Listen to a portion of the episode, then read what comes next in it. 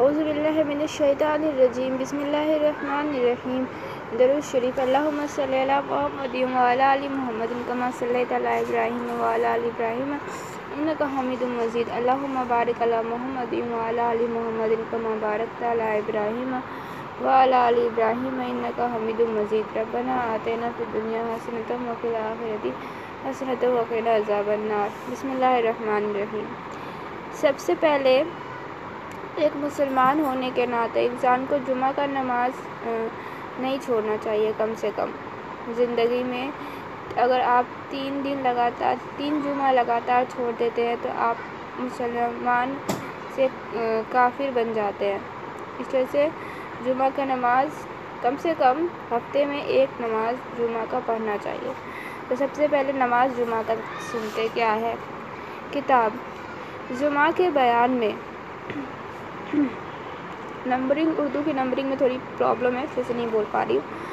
حضرت ابو حریرہ رضی اللہ کہتے ہیں، رسول انور صلی اللہ علیہ وسلم نے فرمایا، ہم دنیا میں دنیا میں بعد، دنیا میں بعد کو ہیں، لیکن قیامت کے دن سابق ہوں گے۔ اللہ تعالیٰ نے کتاب ان کو ہم سے پہلے عطا فرمائی۔ یہ دن جمعہ کا ان کے واسطے مقرر کیا، لیکن انہوں نے اس دن پسندیدگی میں اختلاف کیا۔ اللہ تعالیٰ نے ہم کو اس طرح اختلاف کیا۔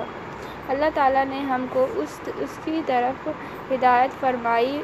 چنانچہ یہودی، یہود ہم سے ایک دن پیچھے ہیں اور نصارہ دو دن پیچھے ہیں۔ نمبر چار، چھ، نو۔ حضرت ابو حریرہ رضی اللہ کہتے ہیں، رسول انور صلی اللہ علیہ وسلم نے فرمایا ہم دنیا میں دنیا میں بعد کو ہیں، لیکن قیامت کے دن سابق ہوں گے۔ اللہ تعالیٰ نے کتاب ان کو ہم سے پہلے عطا فرمائی۔ یہ دن جمعہ کا ان کے واسطے مقرر کیا۔ لیکن انہوں نے اس دن پسندیدگی میں اختلاف کیا۔ اللہ تعالیٰ نے ہم کو اس کی طرف ہدایت فرمائی۔ پہنچا چنانچہ یہود ہم سے ایک دن پیچھے ہیں اور نصارہ دو دن پیچھے ہیں۔ نمبر چار چھ نو۔ حضرت ابو حریرہ رضی اللہ کہتے ہیں، رسول انور صلی اللہ علیہ وسلم نے فرمایا، ہم دنیا میں بعد کو ہیں۔ ہم دنیا میں بعد کو ہیں۔ دنیا میں سب سے بعد میں اسلام آیا نا۔ ہم دنیا میں بعد کو ہیں، لیکن قیامت کے دن ثابت ہوں گے۔ لیکن قیامت کے دن ہم ثابت قدم رہیں گے، ہوں گے۔ اللہ تعالیٰ نے کتاب ان کو ہم سے پہلے عطا فرمائی۔ اللہ تعالیٰ نے ان سب کو کتاب ہم سے پہلے عطا فرمائی۔ یہ دن جمعہ کا ان کے واسطے مقرر کیا، لیکن انہوں نے اس دن پسند پسندیدگی میں اختلاف کیا۔ پہلے بھی اور کتابیں آ چکی تھی نا لیکن ان کو وہ کتابیں پسندیدگی میں انہوں نے اختلاف کیا۔ اللہ تعالیٰ نے ہم کو، اللہ تعالیٰ نے ہم کو اس کی طرف ہدایت فرمائی۔ چنانچہ یہود ہم سے ایک دن پیچھے اس سے یہودی ہم سے ایک دن پیچھے ہیں اور نصارہ دو دن پیچھے ہیں۔ نمبر چار سات زیرو۔ حضرت ابو سعید خدری رضی اللہ بیان کرتے ہیں۔ میں گواہی کے ساتھ بیان کرتا ہوں کہ حضور انور صلی اللہ علیہ وسلم نے فرمایا، ہر ایک بالغ پر جمعہ کے دن غسل اور خوشبو لگانا مسواک کرنا ضروری ہے۔ نمبر چار سات زیرو۔ حضرت ابو سعید خدری رضی اللہ بیان کرتے ہیں۔ میں گواہی کے ساتھ بیان کرتا ہوں کہ حضور انور صلی اللہ علیہ وسلم نے فرمایا، ہر ایک بالغ پر جمعہ کے دن غسل اور خوشبو لگانا مسواک کرنا ضروری ہے۔ نمبر چار سات زیرو۔ حضرت ابو سعید خدری رضی اللہ بیان کرتے ہیں۔ میں گواہی دیتا، گواہی کے ساتھ بیان کرتا ہوں کہ حضور انور صلی اللہ علیہ وسلم نے فرمایا، ہر ایک بالغ پر جمعہ کے دن غسل اور خوشبو لگانا مسواک کرنا ضروری ہے۔ نمبر چار سات ایک۔ حضرت ابو حریرہ رضی اللہ بیان کرتے ہیں۔ ایک بار اور پڑھ لیتی ہوں۔ نمبر چار سات زیرو۔ حضرت ابو سعید خدری رضی اللہ بیان کرتے ہیں، میں گواہی دے، میں گواہی کے ساتھ بیان کرتا ہوں کہ حضور انور صلی اللہ علیہ وسلم نے فرمایا، ہر ایک بالغ پر جمعہ کے دن غسل اور خوشبو لگانا مسواک کرنا ضروری ہے۔ نمبر چار سات ایک۔ حضرت ابو حریرہ رضی اللہ بیان کرتے ہیں حضور انور صلی اللہ علیہ وسلم نے فرمایا، جو شخص جمعہ کے، آج کے لیے اتنا ہی۔ نہیں، جو شخص جمعہ کے روز غسل، جنابت کر کے اول ساعت میں نماز کے واسطے چلا گویا، اس نے ایک اونٹ کی قربانی کی جو دوسری ساعت میں چلا۔ اس نے گواہ، اس نے گویا ایک گائے کی قربانی کی جو شخص تیسری ساعت میں چلا۔ اس نے ایک، اس نے سینگ دار بکری کو ذبح کیا جو چوتھی ساعت میں چلا۔ اس نے گویا ایک مرغی کی قربانی کی جو پانچوں، پانچویں ساعت میں چلا۔ اس نے، پانچویں ساتھ میں اس نے گویا ایک انڈا کا صدقہ، ایک انڈا صدقہ کیا۔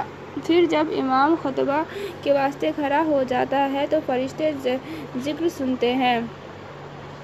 نمبر چار، سات، ایک۔ حضرت ابو ہریرہ رضی اللہ بیان کرتے ہیں۔ حضور انور صلی اللہ علیہ وسلم نے فرمایا، جو شخص جمعہ کے روز غسل جنابت کر کے اور اول ساعت میں نماز کے واسطے چلا گیا گویا اس نے ایک اونٹ کی قربانی کی جو دوسری ساعت میں چلا، اس نے گویا ایک گائے کی قربانی کی جو شخص تیسری ساعت میں چلا۔ اس نے ایک سینگ دار بکری کو ذبح کیا جو چوتھی ساعت میں چلا۔ اس نے گویا ایک مرغی کی قربانی کی جو پانچویں ساعت میں چلا۔ اس نے گویا ایک انڈا صدقہ کیا۔ پھر جب امام خطبہ کے واسطے کھڑا ہو جاتا ہے تو فرشتے ذکر سنتے ہیں۔ نمبر چار سات ایک۔ حضرت ابو ہریرہ رضی اللہ بیان کرتے ہیں، حضور انور صلی اللہ علیہ وسلم نے فرمایا، جو شخص جمعہ کے روز غسل جنابت کر کے اول ساعت میں نماز کے واسطے چلا، نماز کے واسطے چلا، گویا اس نے ایک اونٹ کی قربانی کی، جو دوسری ساعت میں چلا، اس نے گویا ایک گائے کی قربانی کی، جو شخص تیسری ساعت میں چلا اس نے ایک سینگ دار بکری کو بکری کو ذبح کیا، جو چوتھی ساعت میں چلا، اس نے گویا ایک مرغی کی قربانی کی۔ جو پانچویں ساعت میں چلا، اس نے گویا ایک انڈا صدقہ کیا۔ پھر جب امام خطبہ کے واسطے کھڑا ہو جاتا ہے تو فرشتے ذکر سنتے ہیں۔ نمبر چار، سات، دو۔ حضرت سلیمان فارسی رضی فارسی رضی اللہ فارسی فارسی رضی اللہ کہتے ہیں رسول انور صلی اللہ علیہ وسلم نے فرمایا، جو شخص جمعہ کے دن غسل کر کے پاکی حاصل کرے، پھر تیل وغیرہ لگا کر خوشبو جو کچھ اس کے گھر میں موجود ہو، لگائے، اس کے بعد نماز کے واسطے چلے، کسی کے درمیان میں جدائی اور تفریق کا ارادہ نہ رکھے، خطبہ کے وقت خاموشی کے ساتھ خطبہ سنتا رہے، ایسے شخص کے تمام وہ گناہ جو اس جمعہ کے لے کر جمعہ سے لے کر دوسرے تک اس نے کیے ہوں، معاف ہو جاتے ہیں۔ نمبر چار، سات، دو۔ حضرت سلیمان فارسی رضی اللہ کہتے ہیں، رسول انور صلی اللہ علیہ وسلم نے فرمایا، جو شخص جمعہ کے دن غسل کر کے پاکی حاصل کرے، پھر تیل وغیرہ لگا کر خوشبو جو کچھ اس کے گھر میں موجود ہو، لگائے، اس کے بعد نماز کے واسطے چلے، خوشبو مطلب عطر۔ چلے، کسی کے درمیان میں جدائی اور تفریق کا ارادہ نہ رکھے، خطبہ کے وقت خاموشی کے ساتھ خطبہ سنتا رہے۔